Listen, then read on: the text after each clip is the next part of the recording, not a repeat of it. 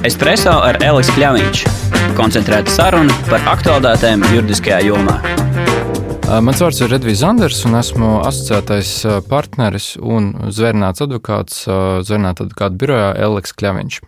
Labdien! Šodien es uzdošu Edvijam jautājumus par tādu ļoti aktuālu, nu jau gadiem ilgi aktuālu, bet aizvien aktuālāku tēmu, kā mākslīgā intelekta un autora tiesību, autora darbu sadure. Tātad šīs divas jomas neizbēgami ir saskārušās un saskarās ar vien ciešāk. No šīs sadursmes radās dažādi jautājumi, dažādas interpretācijas, neskaidrības, arī tiesvedības. Likumdevēji strādā aktīvi gan Eiropā, gan ASV un droši vien arī sasniegs Latviju. Saka, Edvija, kā tad ir vai mākslīgā intelekta izplatība, nu, kā viņi ir mainījusi vispār izpratni par to, kas ir autora darbs, uz ko attiecās autortiesību likumi, droši vien jāsaka daudz skaitlī, kā šīs jaunās tehnoloģijas to ir izmainījušas. Jā, jāsaka, ka šobrīd tieši šis jautājums ir ļoti aktuāls, un patiesībā mēs esam tādā kā konversijas fāzē, ja mēs skatāmies no autortiesību viedokļa, jo nu, pašas autortiesības ir ļoti sens, un šis regulējums ir datējams pat līdz 1886. gadam, kad ir Bernas konvencija izveidot, kas regulē šo jautājumu. Tad mēs varam iedomāties, ka šobrīd mēs faktiski strādājam ar ļoti seniem tiesību instrumentiem, kas mēģina regulēt kaut ko ļoti inovatīvu, progresīvu un kaut ko tādu, kas attīstās tik strauji, ka mēs pat nespējam tam izsekot.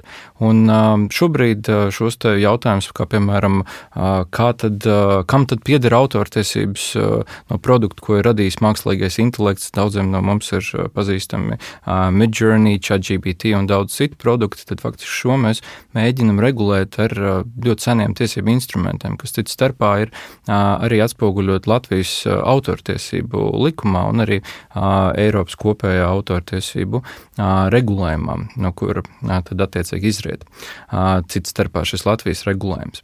Un tas, ko mēs varam cits starpā redzēt šobrīd, ir šo te likumdevēja un tiesību piemērotāja sadursme un mēģinot saprast, kā šis pareizi autortiesību regulējums būtu piemērojams. Un tas, ko mēs varam redzēt arī Eiropas Savienības un citu valstu līmenī, ir, ka ir šī, var teikt, kolīzija, kur ņemot vērā šīs tiesu prāvis un, un arī ņemot vērā arī šī jautājuma attīstību, mēs saskaramies ar to, ka nu, potenciāli šis regulējums varētu arī nebūt pietiekams, lai atrisinātu šos jautājumus. Un vienlaikus mums ir jāveicina tas, ka attīstās inovācijas, mums jānodrošina tas, ka tiek aizsargāts autoru intereses, bet tajā pašā laikā nu, ir šī kolīzija starp autora interesēm un arī vienlaikus šīm inovācijām. Tas attiecīgi atspoguļojās jau eksistējošās tiesu lietās, kā piemēram ASV, apvienotajā karalistē, un visdrīzāk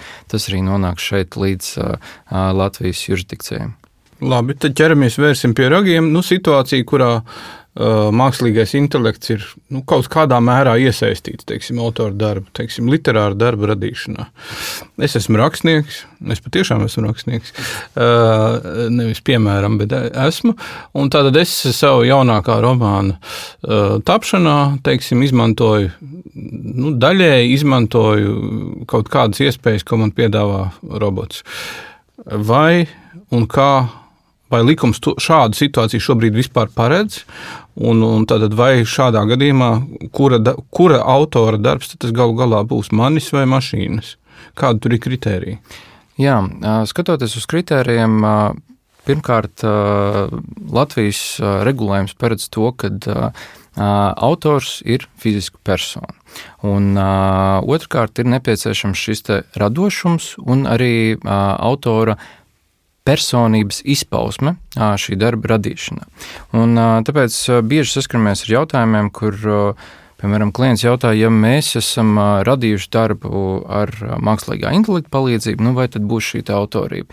Un tāpat arī šis jautājums tiešām ir aktualizējis. Un, un jāsaka, uzreiz jāsaka, ka viņš ir diezgan komplicēts pēc savas dabas un lai viņu interpretētu, nu, tad mums ir jāizmanto šī Eiropas Savienības tiesa prakse, arī kas, kas cits starpā pasaka, ka, nu, jā, protams, nenoliedzami par autoru būtu uzskatām tikai fiziska persona, ja darbu ir nezinu, piemēram, pilnībā radījis mākslīgais intelekts, tad šis darbs nebūs aizsargājams ar autortiesībām.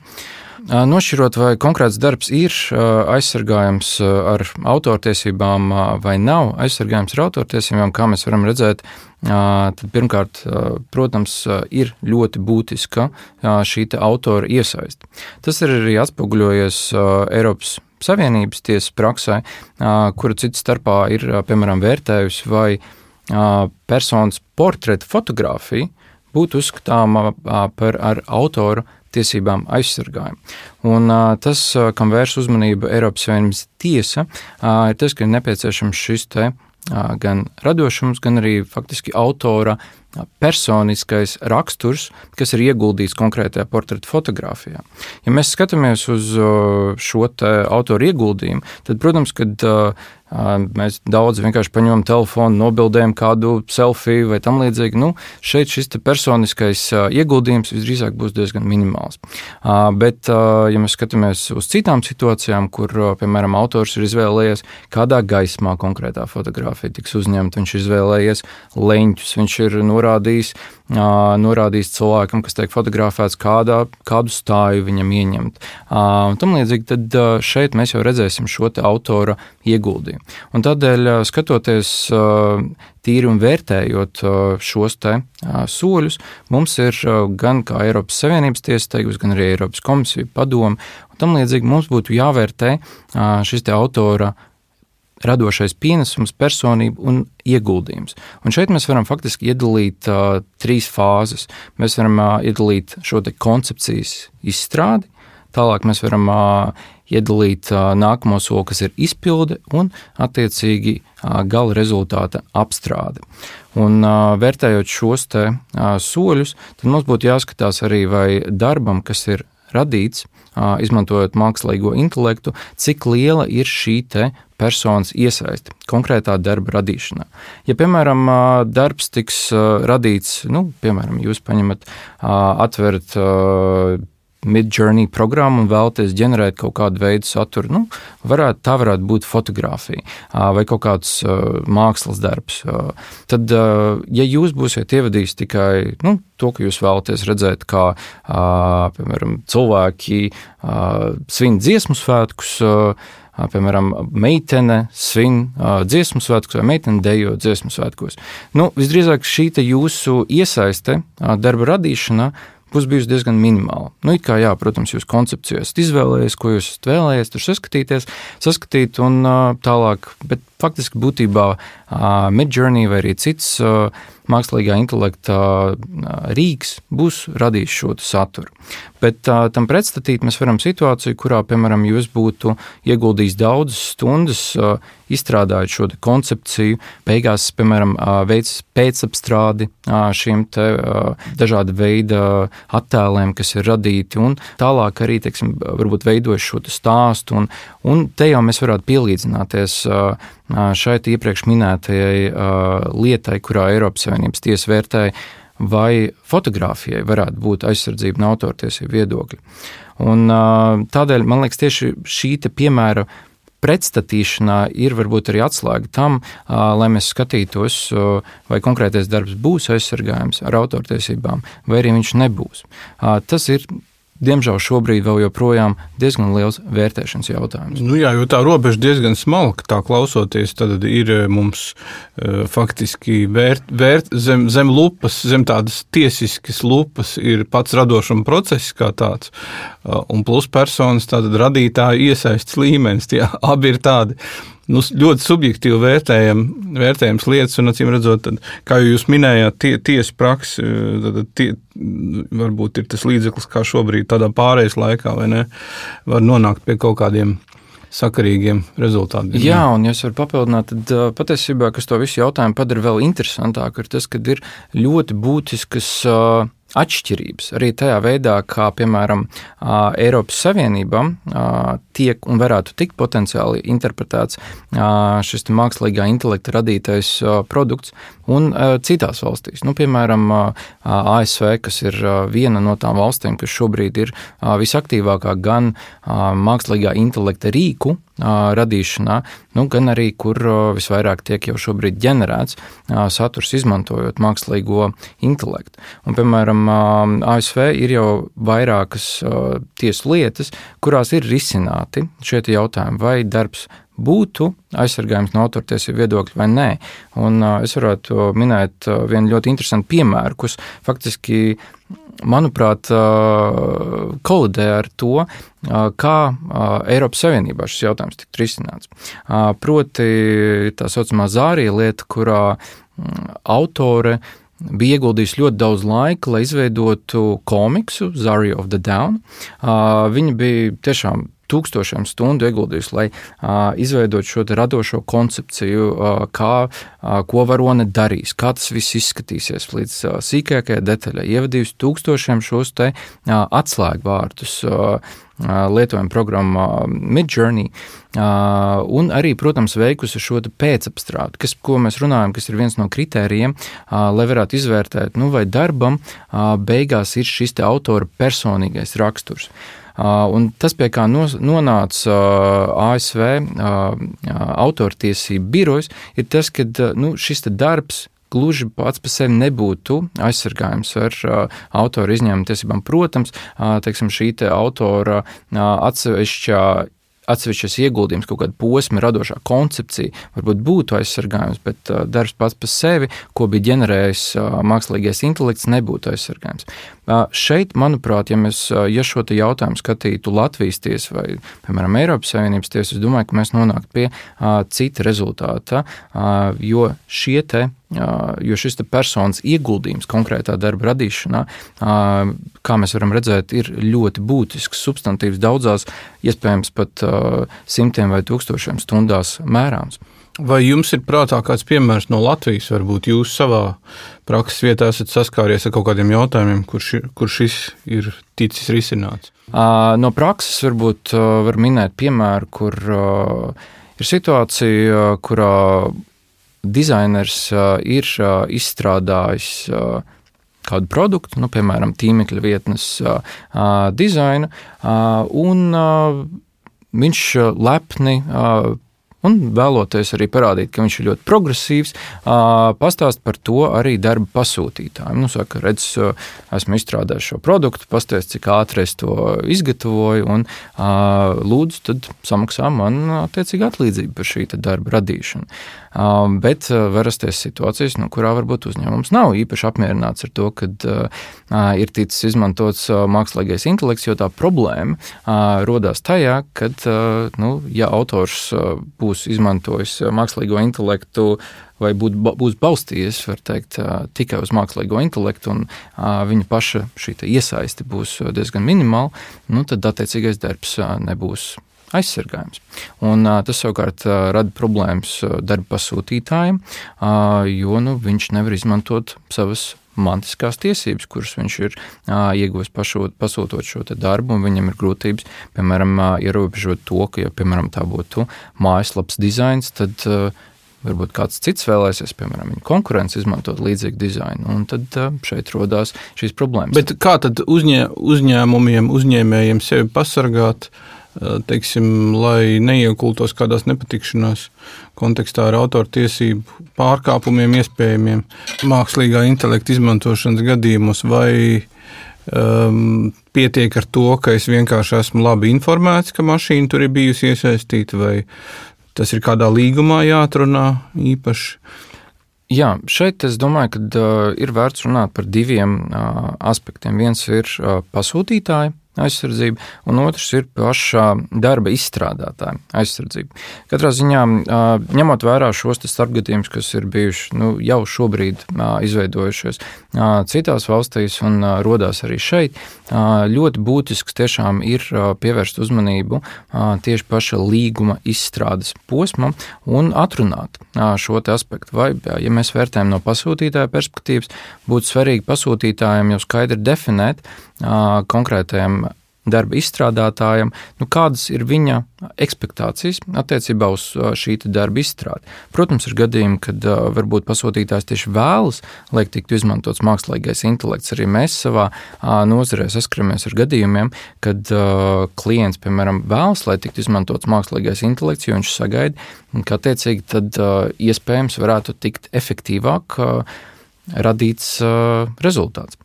Un tādēļ būtu ļoti svarīgi atrunāt šo aspektu, vai mākslīgais intelekts, piemēram, tiks vai netiks izmantots, un arī par to, kāda būs šī autora iesaiste konkrētā darba radīšanā. Savukārt, tīri no vērtējot no darba radītāja un arī faktiski no katra mūsu perspektīvas, būtu ļoti svarīgi pievērst uzmanību mākslīgā intelekta rīkus definējošiem lietošanas noteikumiem. Kas tad ir ierakstīts attiecībā uz autortiesībām, un arī, nu, faktiski sanāk, sekot līdzi arī tam, uz kāda pamata vai izmantojot kāda veida darbus, attiecīgais mākslīgā intelekta rīks ir ticis trenēts. Jo daudz no tiem, nu, kā parāda, piemēram, šī brīža prakse, piemēram, ASV arī tajā pašā skaitā Stability AI pret Getty Images lietu, kur šis te Stability AI rīks, kā apgalvo Getty Images, tika trenēts balstoties uz viņu 15 miljonu bilžu datubāzi. Un tādēļ šobrīd ir šī iesniegta prasība pret Stability AI par 1,8 triljoniem, kur katra, katra bilde ir novērtēta kā 150 tūkstoši vērta. Un, un tas savukārt nu, potenciāli rada tālāk sarežģījumus arī praksē. Tādēļ arī faktiski ir jāsako līdzi gan šiem lietošanas noteikumiem, nu, gan arī jāpārbauda, cik ļoti uzticams ir konkrētais rīks, vai tur nevarētu rasties kaut kādas tālākas problēmas, kas arī varētu ietekmēt gan pašu darba autoru, gan arī šī darba pasūtītāju. Tāpat arī autoriem būtu jāpievērš uzmanība tā informācija, ko viņi izmanto, lai radītu konkrētos darbus. Un, tas attiecās uz dažādu veidu autoriem, ne tikai autoriem, ko mēs klasiski iedomājamies, kā literāro darbu, rakstniekiem un tam līdzīgi, bet faktiski arī jebkuru no mums, kas izmanto dažādu veidu mākslīgā intelekta rīkus, piemēram, to pašu ChatGPT vai daudz citus tā atvasinājumus, nu, lai faktiski pilnveidotu un efektivizētu darbu.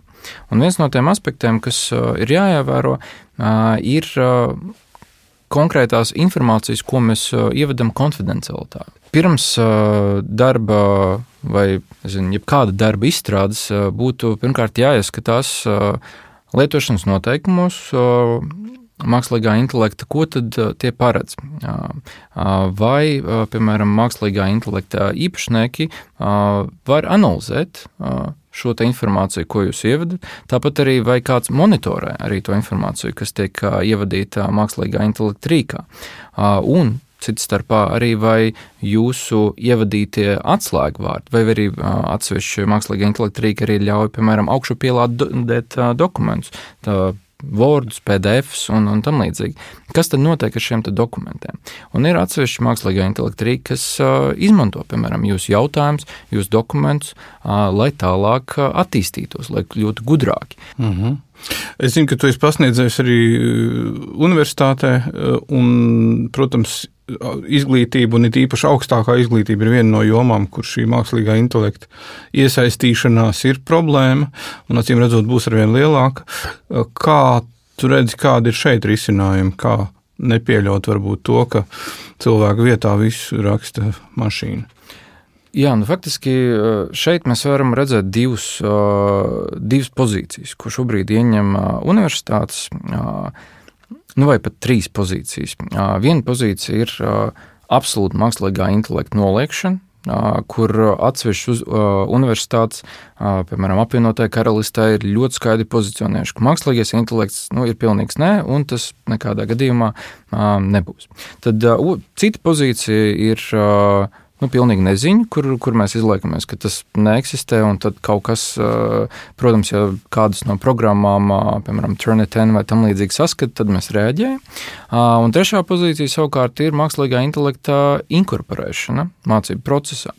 Manuprāt, vērtējot to, kā mākslīgais intelekts, cik strauji viņš šobrīd ir attīstījies, un manuprāt, šī nenoliedzama būs mūsu un daudz, citu, daudz profesiju neatņemama sastāvdaļa. Tādēļ mākslīgo intelektu noteikti ir vērts inkorporēt mācību procesā, ļaut studentiem jau šobrīd apgūt tās zināšanas, kas ir nepieciešamas, bet šeit mums būtu jānodala tā robeža, kurā viens mēs mācāmies to lietot, un cits kur studentiem varbūt ir jāparāda zināšanas, kas nav saistītas ar mākslīgā intelekta izmantošanu. Un, ja mēs runājam par šo otro kritēriju, nu, tad te ir parādās jautājums par akadēmisko godīgumu un to, kā augstskolas definē, kas tad ir uzskatāms par akadēmiski godīgu rīcību vai nē. Vērtējot to, ja teiksim, studējošie izmanto mākslīgā intelekta rīkus brīžos, kad ir nu, jāparāda savas zināšanas par to, viņi, cik labi viņi prot atspoguļot vielu, ko ir apgūši, nu, tad, protams, tas galvenokārt tiktu uzskatīts par akadēmiskā godīguma pārkāpumu, jo nu, faktiski studējošais nav parādījis nav atspoguļojis to uh, savu zināšanu līmeni, bet tā vietā ir varbūt izmantojis kaut kādus rīkus, uh, kas viņa vietā atspoguļo šīs zināšanas un mhm. Okay. Atgriežoties pie regulējuma, tātad pie, pie tā nebeidzamā skrējiena pakaļ tehnoloģiju attīstībai, vai tu redzi, ka, vai tu kā jurists redzi, ka tas vispār ir iespējams? radīt tādu regulējumu, kas nu, šo milzīgo jomu kaut kādā veidā pāraudzītu un aptvertu, kur, protams, nav tikai autortiesības, bet ļoti, ļoti daudz citu aspektu. Vai vispār to var izdarīt, un vai to vajag? Tam dzīties pakaļ? Jā, ļoti labs jautājums. Šobrīd patiešām tas ir milzīgs skrējiens. Tas ir milzīgs skrējiens gan tehnoloģiju aspektā, kur tehnoloģijas attīstās absolūti nepieredzētiem tempiem. Ja mēs kādreiz skatoties uz to pašu ģeneratīvo mākslīgo intelektu, vērtējām saturu, ko viņš var radīt kā 4 līdz 8 gadus vecam bērnam, tad tagad jau šis te ir um, Rīgas ir, ir spējīgs uh, veikt uh, ļoti sarežģītus uh, darbus, nokārtot dažādas kvalifikācijas eksāmenus sekmīgi un tam līdzīgi. Vērtējot par to, vai ir vērts regulēt, tad noteikti, to ir vērts darīt, jo pretējā gadījumā mēs varam nonākt pie diezgan bīstamas prakses. Mēs varam redzēt, ka lielie tehnoloģiju milži sacenšas savā starpā par par patērētājiem, par to, kurš radīs visadvancētāko produktu, kas būs visvairāk uztverams vai vēlams lietotājiem. Un šeit mēs varam nonākt pie daudzām problemātiskiem jautājumiem, ko arī šobrīd mēģina, piemēram, regulēt Eiropas Savienības likumdevēji, kas kas šobrīd izstrādā Eiropas Savienības mākslīgā intelekta aktu, kas cits starpā paredzēs, kāda veida mākslīgā intelekta prakses būtu uzskatāms par aizliedzamām. Nu, kā piemēram dažāda veida biometrisko datu automatizēta apstrāde vai kaut kāda veida prakses, kas varētu būt kaitniecisks, piemēram, bērniem vai kaut kāda veida etniskajām grupām vai vērtētu, piemēram, kurš kuru darbinieku pieņem darbā, balstoties tikai uz automatizētu vērtētu, kuru darbinieku pieņem darbā, balstoties tikai uz viņa, piemēram, reliģisko piedarību vai kādiem citiem faktoriem. Tādēļ mums jābūt ļoti uzmanīgiem tieši attiecībā uz mākslīgo intelektu, kad mēs izmantojam to lēmumu pieņemšanā, vai arī, piemēram, komunikācijā ar cilvēkiem, ja šī praksa varētu būt kaitnieciska. Tādēļ noteikti to ir vērts regulēt, un arī, protams, ir šis jautājums, atgriežoties atpakaļ pie mm, autortiesību koncepta, tad mums ir jāskatās arī, nu, kādā veidā mākslīgais intelekts tiek apmācīts. Un tad un kas tiek izmantots tā pamatā. Bet kopumā šis skrējiens ir diezgan pamatīgs, un mēs redzam, to, ka regulējums nu, bieži vien kavējas, vai arī, vai arī šis regulējums nu, nespēja tomēr regulēt mūsdienu tendenci. Tāpēc šis piemērs par Eiropas Savienības intelektuālā īpašuma aktu mēs redzam, to, ka sākotnējais projekts jau pavisam būtiski sāk atšķirties no tā produkta, kur mēs esam šeit. Jo, piemēram, pēdējā gada periodā ir ļoti attīstījies ģeneratīvais mākslīgais intelekts, un tad reaģējot uz to, Eiropas Savienības likumdevēji jau ir iekļāvuši atsevišķas klauzulas, atsevišķas prasības, kas regulē tieši šo te ģeneratīvo mākslīgo intelektu. Bet tajā pašā laikā, vērtējot, kad tad galu galā šis regulējums stāsies spēkā, mums jā, un kad viņš tiks pieņems, nu, tad tas visdrīzāk būs tikai 2025. gads, tad ir jautājumi, nu, cik tālu šis regulējums būs, cik tālu jau šie produkti būs attīstījušies. Bet mēs varam redzēt, ka norit ļoti strauja sacensība arī starp dažādām valstīm par to, kura tad būs pirmā, kas regulēs mākslīgo intelektu. Eiropas Savienība cenšas būt viens no vadošajiem spēlētājiem, vienlaikus arī Piemēram, Ķīna ir diezgan tālu tikusi ar savu mākslīgā intelektu regulējumu. Tur parādās ļoti interesanti koncepti. Tāpat arī apvienotajā karalistē ir regulējums, kas skar šos jautājumus. Nu, un, protams, arī ASV atsevišķos šatos parādās noteikti jautājuma regulējums. Tā, kā, nu, tā ir sacensības starp valstīm, kur būs pirmā un arī kur radīs šo produktu, kas varbūt radīs līdzsvaru starp mūsu kā lietotāju aizsardzību, mūsu tiesībām un arī, protams, šīm uzņēmumu interesēm radīt šos produktus. Nu, paies vēl daži gadi, un jau mēs redzēsim, ka mākslīgais intelekts pats sev regulējumu veido. Jo viņš būs sapratis, ka tā ir viena liela aktuāla lieta un kaut ko piedāvās. Varbūt. Jā. Liels paldies Edvijam par tādu ļoti vērtīgu ieskatu šajā ļoti plašajā, patiešām pat varētu teikt, neaptverami plašajā jomā, kas kļūst kļūst aizvien aktuālāka un kam uzmanība tiks pievērsta aizvien vairāk arī no regulējuma viedokļa, arī no autortiesību viedokļa. Un, eh, bet kamēr vēl šis regulējums top un nav līdz galam izstrādāts, uzņēmējiem droši vien būtu vērtīgi, un arī autordarbu radītājiem un to lietotājiem ikvienam eh, būtu vērtīgi varbūt pievērst uzmanību tam, ko tad pašas šīs mākslīgā intelekta platformas ir definējušas um, savos lietošanas noteikumos, un tāpat arī vienojoties ar tiem sadarbības partneriem, kas nu jums autordarbu izstrādē ir, varbūt note, nodefinēt tos noteikumus, nosacījumus, izmantošanas nosacījumus iespējami detāli, un tā abas puses varētu sevi maksimāli pasargāt. Espreso ar Elisu Kļāviņš. Koncentrēta saruna par aktuālitātēm juridiskajā jomā.